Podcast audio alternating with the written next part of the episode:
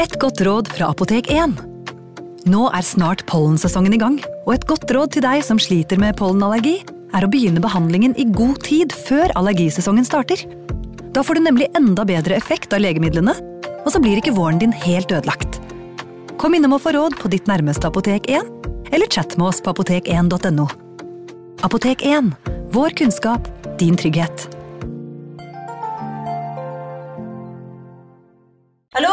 Jeg kommer fra Oslo politikammer. Ine Jansen er purk. Er du purk? The motherfucking bitch. Alt jeg vil, er å finne ut hva som skjedde med mannen min. Jon Carew. Er jeg sikta for noe? Iben Akeli. Det er du. Ole So, Lars Berrum og Big Daddy Karsten. Hvem sin side er du på, egentlig? Anette Hoff, Tone Danielsen, Kommer du fra Afrika? Jørnis Josef, Nesten kløfta. Trond Espen Seim, Det er synd å si det, men det var feil mann som døde. Purk. Premiere tirsdag på TV2 Play.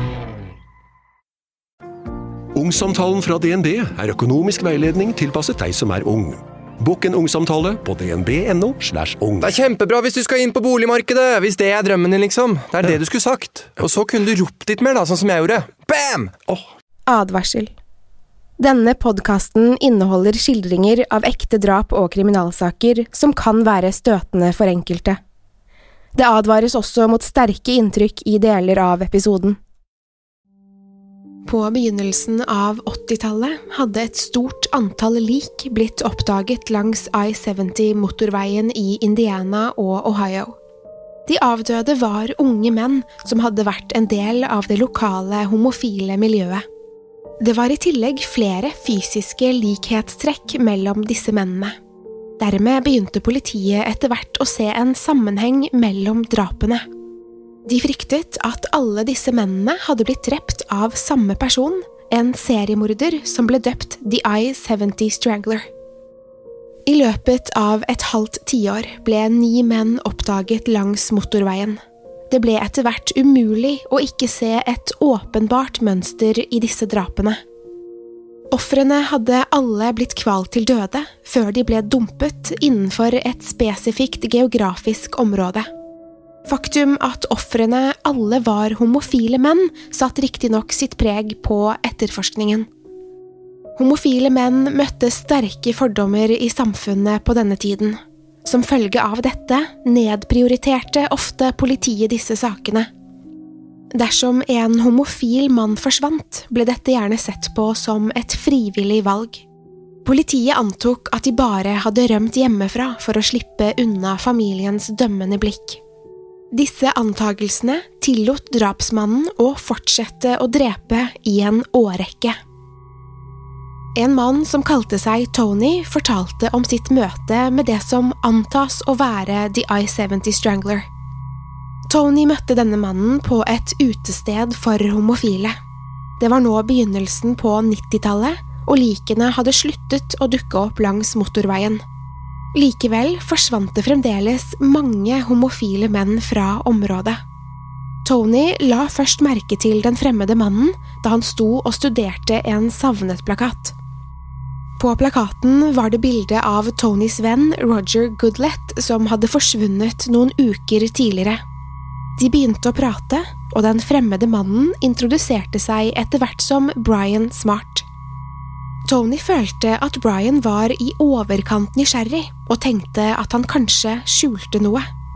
Tony håpet at Brian kunne gi noen svar på hva som hadde hendt med Roger, og de fortsatte å prate. Da Tony nevnte Roger, ble det åpenbart at Brian forsøkte å bytte tema. De to mennene fortsatte samtalen. Brian fortalte at han var landskapsarkitekt og jobbet på en gård i nærheten. Han sa at han hadde hele huset for seg selv, og spurte om Tony ville bli med han hit. Tony nølte, men Brian fristet med at de kunne ta et nattbad i svømmebassenget. Tony var fremdeles nysgjerrig på denne mystiske mannen, og takket ja til invitasjonen. Tony satte seg i bilen, men visste ikke hvor de var på vei. Han var ikke lokalkjent, og i mørket mistet han oversikten over kjøreturen. Etter hvert ankom de en stor gård, akkurat som Brian hadde lovet. Tony la merke til et skilt, men kunne ikke huske navnet på gården. Det var et landlig område med flere gårder og store åkre der hester løp fritt. Tony ble overrasket over det storslåtte hjemmet. Brian ledet ham inn i et innendørsbasseng og tilbød ham en drink. Kanskje hadde Tony allerede en dårlig følelse. Det var i hvert fall noe med denne fremmede mannen som ikke stemte. Han var frampå, men samtidig var det noe merkelig med han. Tony takket derfor nei til noe å drikke. Han ønsket å være klar i hodet. Brian forlot rommet, men returnerte noen minutter senere. Han virket oppspilt og mer pratsom. Tony fikk følelsen av at Brian nå var ruset på kokain. Fremtoningen hans endret seg også merkbart. Brian ble plutselig mer pågående og begynte å snakke mer åpenlyst om sex. Han beskrev spesifikke fetisjer og nevnte at han tente på å bli kvalt. Etter en liten stund spurte han om Tony kanskje kunne tenke seg å kvele ham. Tony gikk med på dette og strammet en hageslange rundt Brians hals mens han masturberte. Etter å ha fullført spurte Brian om han kunne få lov til å kvele Tony. Noe motvillig gikk Tony med på dette. Brian strammet hageslangen rundt halsen hans, men det ble raskt åpenbart for Tony at dette ikke var noen lek. Brian strammet slangen hardt og hadde ingen intensjoner om å slippe taket. Tony var langt større enn Brian, men han var ikke i stand til å bryte ut av dette grepet. Han kjente at det bare var et spørsmål om tid før han ville miste bevisstheten. Tony var snarrådig. Istedenfor å fortsette å kjempe imot, lot han kroppen bli helt slapp. Han latet som at han mistet bevisstheten, og Brian løsnet derfor grepet. Så fort han var fri, åpnet Tony øynene og spratt opp. Brian ble overrasket, men lot som at det ikke var meningen å gå så langt. Brian insisterte på at det hele hadde vært et uhell. Tony forlot gården, opprørt, men fremdeles i live.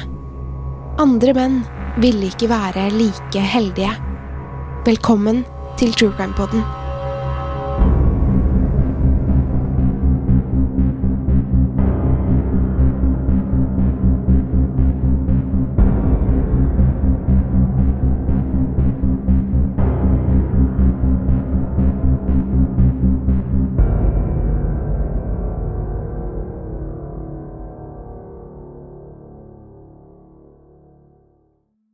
Brian Smart hadde ikke vært den han utga seg for å være. Hans navn var i realiteten Herbert Baumeister, og han var heller ikke landskapsarkitekt. Herb Baumeister ble født den 7. april 1947 i Indianapolis. Han hadde etter alt å dømme en ganske normal oppvekst. Han var eldst av fire barn og hadde foreldre som brydde seg om han. Familien var velstående, og Herb manglet aldri noe i oppveksten. I løpet av tenårene begynte riktignok familien å bli bekymret for han. Herbs oppførsel ble stadig mer spesiell. Han hadde dårlig impulskontroll og ble stadig tatt på fersken i bisarre situasjoner. Mye av atferden hans vekket avsky blant både medelever og lærere. Han skal på et tidspunkt ha urinert og senere etterlatt en død kråke på lærerens skrivebord. Det var ingen som satte pris på disse rampestrekene. Selv andre urokråker i klassen så på hans oppførsel som avskyelig. Det var kun Herb selv som fant disse situasjonene underholdende. Han var et konstant uromoment i undervisningen, og lærerne søkte hjelp fra foreldrene hans. De visste riktignok heller ikke hvordan de skulle håndtere denne situasjonen. Herbs atferd ble stadig mer destruktiv og uforutsigbar. Herb ble tidlig klassifisert som en raring, og de andre elevene valgte å distansere seg fra ham. Ungdomsårene hans ville derfor bli preget av ensomhet og utenforskap. Han fortsatte å drømme om å finne sin plass på skolen. Han ønsket å være en del av den populære gjengen, men dette forble en fantasi. Etter hvert begynte han å innfinne seg med ideen om å være alene. Han nektet å tilpasse seg deres normer og regler, og valgte heller å forbli ensom. Det ble etter hvert åpenbart at Herb ikke bare var rar. Han hadde gått gjennom flere åpenbare forandringer i ungdomsårene. Etter å ha søkt profesjonell hjelp ble han til slutt undersøkt av en psykiater. Herb ble snart diagnostisert med schizofreni med flere underliggende lidelser. Forståelsen for slike lidelser var fremdeles begrenset på 1960-tallet. Lenge hadde elektrosjokkterapi blitt brukt, uten at dette viste til langvarige resultater. I løpet av 70-tallet ble medisinering sett på som en langt mer effektiv behandlingsform. Det er likevel uvisst hva slags behandling Herb fikk i disse tidlige årene. Herb fortsatte uansett å føle seg annerledes. I 1965 begynte han på universitetet i Indiana men heller ikke her fant han seg til rette. Faren hans forsøkte å overtale Herb til å fullføre utdanningen, men han endte opp med å droppe ut. Det var på dette universitetet at Herb møtte sin fremtidige kone, Juliana Sater. De fant raskt en god tone og ble i løpet av kort tid kjærester. Herb og Juliana giftet seg i 1971. Dette var innledningen på en turbulent tid for Herb. Et halvt år etter bryllupet ble han nemlig tvangsinnlagt på en psykiatrisk klinikk. Det var faren hans som hadde uttrykt sin bekymring for Herb. Det var en komplisert start på ekteskapet, men Juliana hadde ingen planer om å forlate sin ektemann. Hun hadde for lengst innsett at Herb ikke var som alle andre, men dette var mannen hun hadde falt for. Herb tilbrakte to måneder på klinikken. Da han slapp ut, så han på dette som en mulighet til å starte på nytt. Han prøvde ut flere jobber, men fant ikke sitt kall i livet. Også på jobb ble han sett på som en merkelig type. I de ulike stillingene gikk han inn i helt forskjellige roller. Han kunne være strebersk og pliktoppfyllende med et konstant behov for positive tilbakemeldinger. Andre ganger kunne han være sjefete og aggressiv. Det var nesten som om Herb bare spilte ut ulike karikaturer på arbeidsplassen. Han var aldri seg selv, han var en slags fortolkning av hva Herb trodde han burde være. Han oppførte seg som et romvesen som imiterer menneskelig atferd. Samtidig var Herb ambisiøs.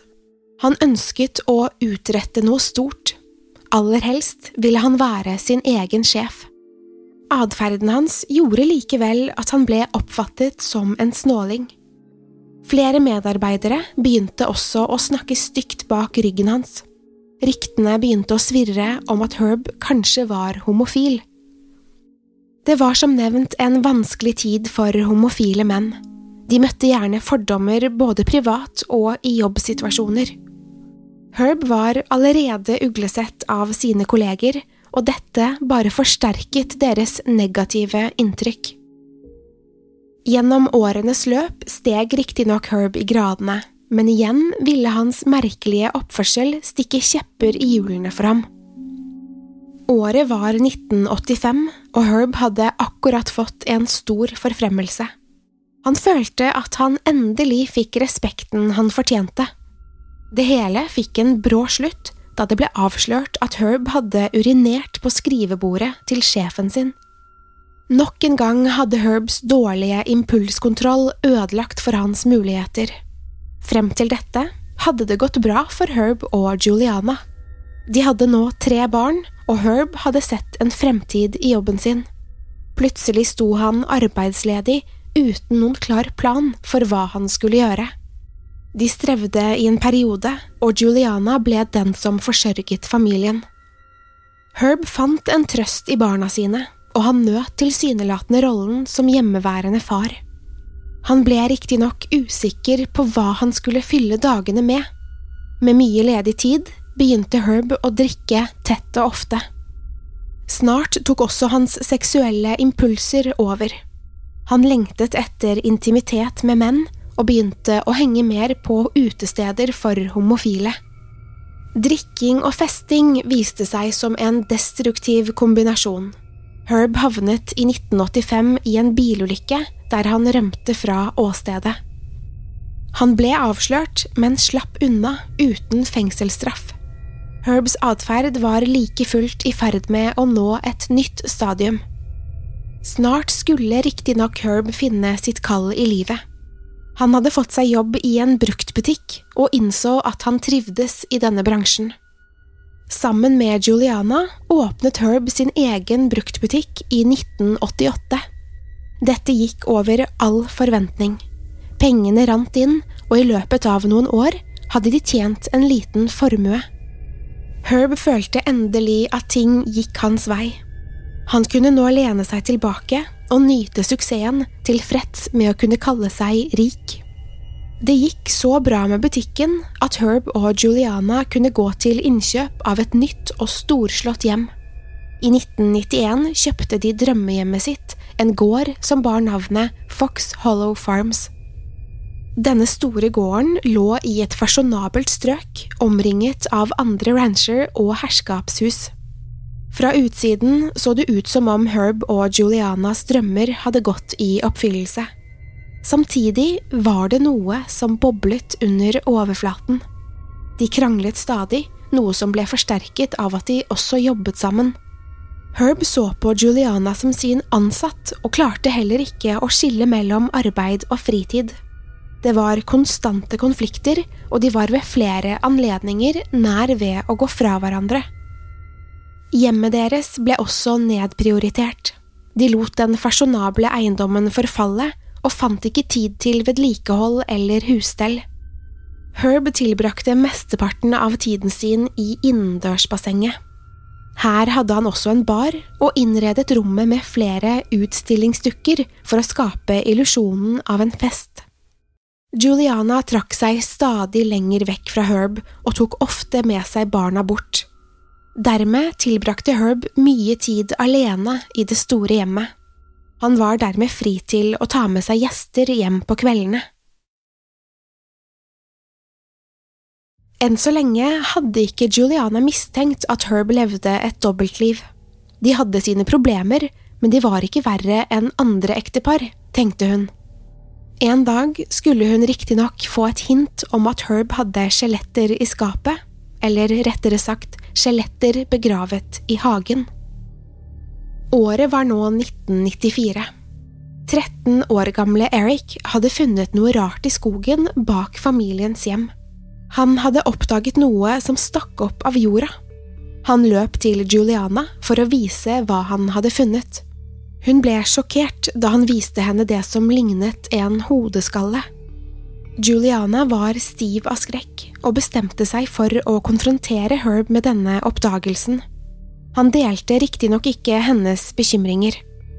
Han forholdt seg helt rolig da hun viste han hodeskallen og presenterte umiddelbart en forklaring. Herb hevdet at dette var skjeletter som hadde blitt brukt til undervisning. Han forsikret henne om at de ikke var ekte.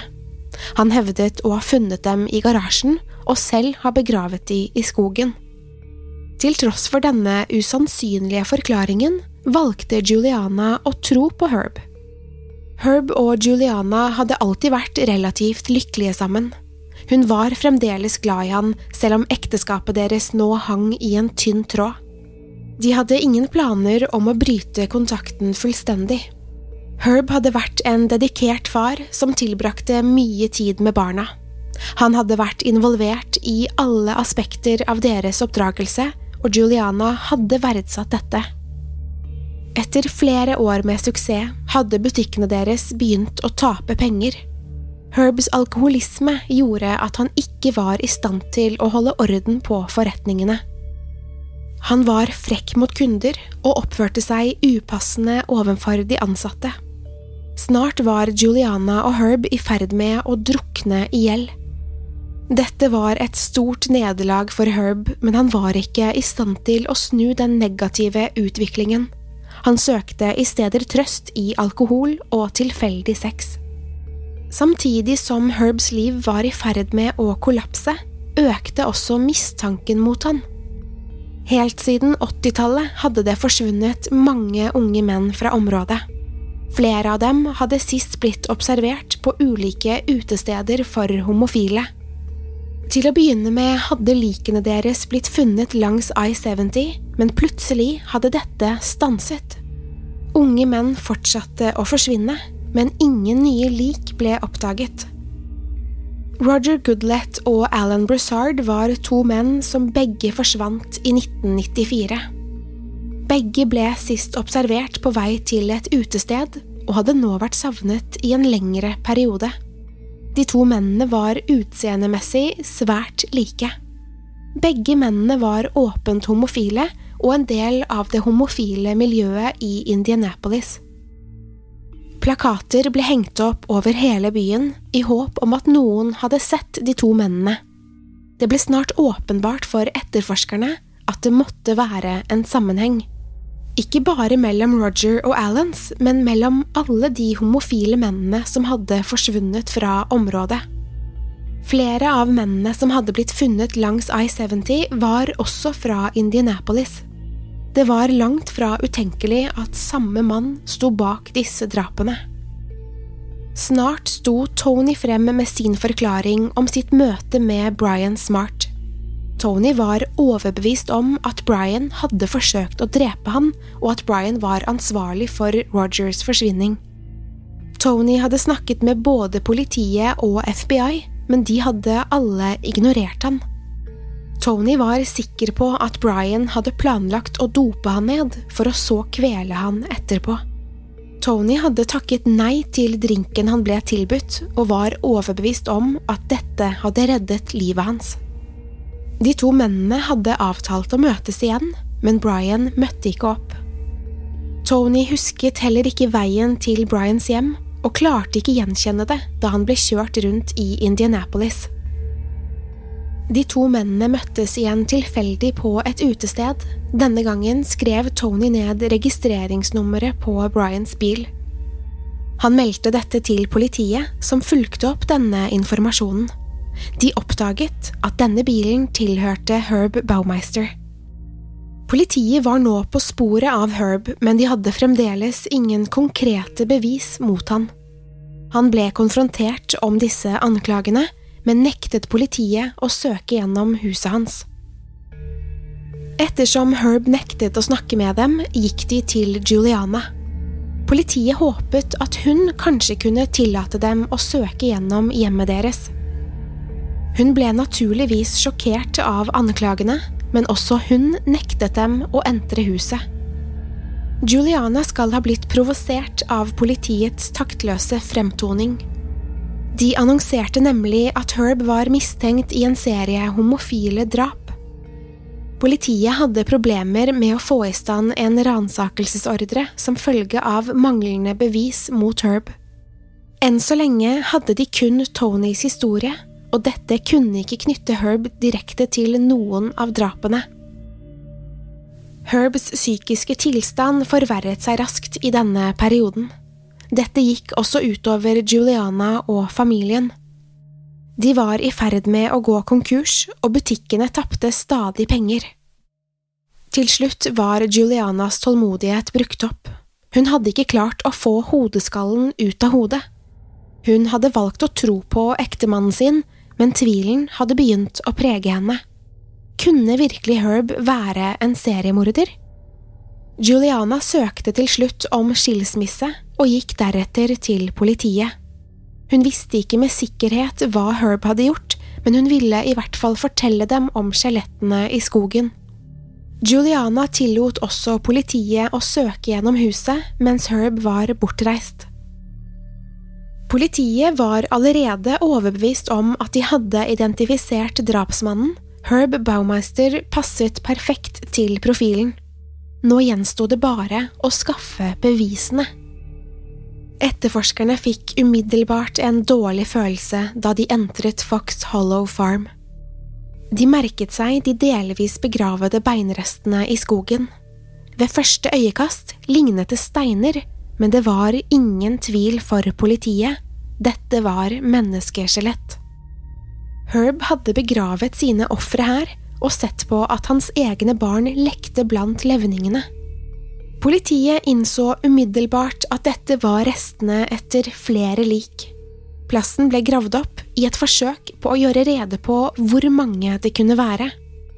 Til slutt kunne politiet slå fast at det var minst elleve lik begravet ved Fox Hollow Farm.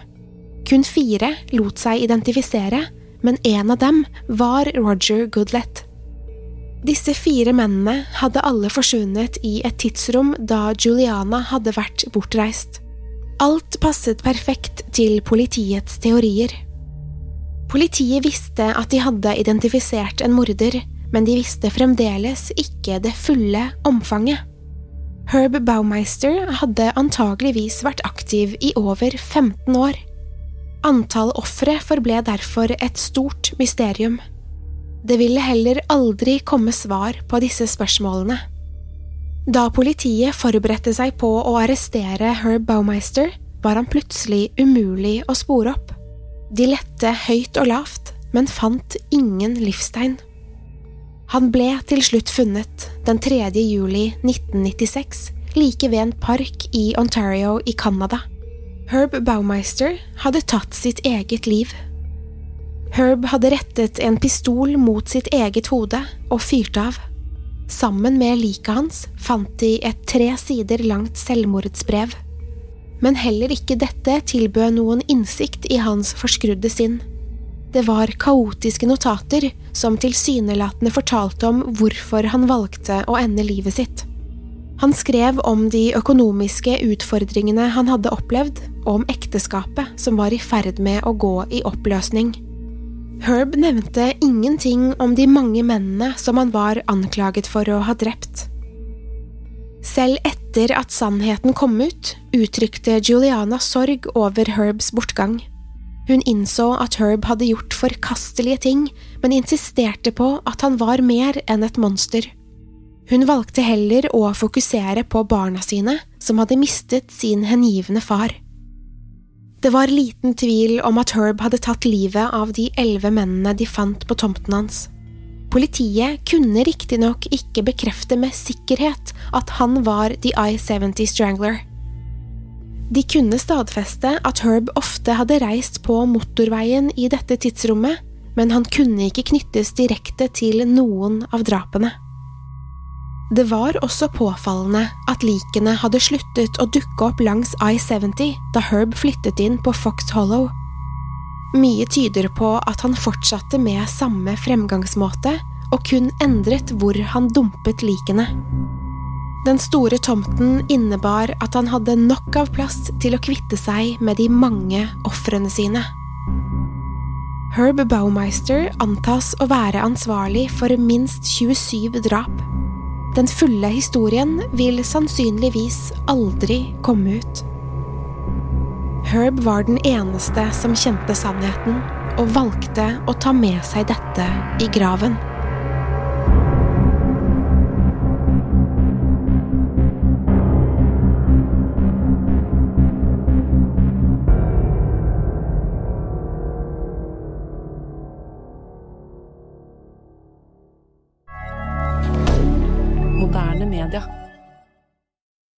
Har du et enkeltpersonforetak eller en liten bedrift?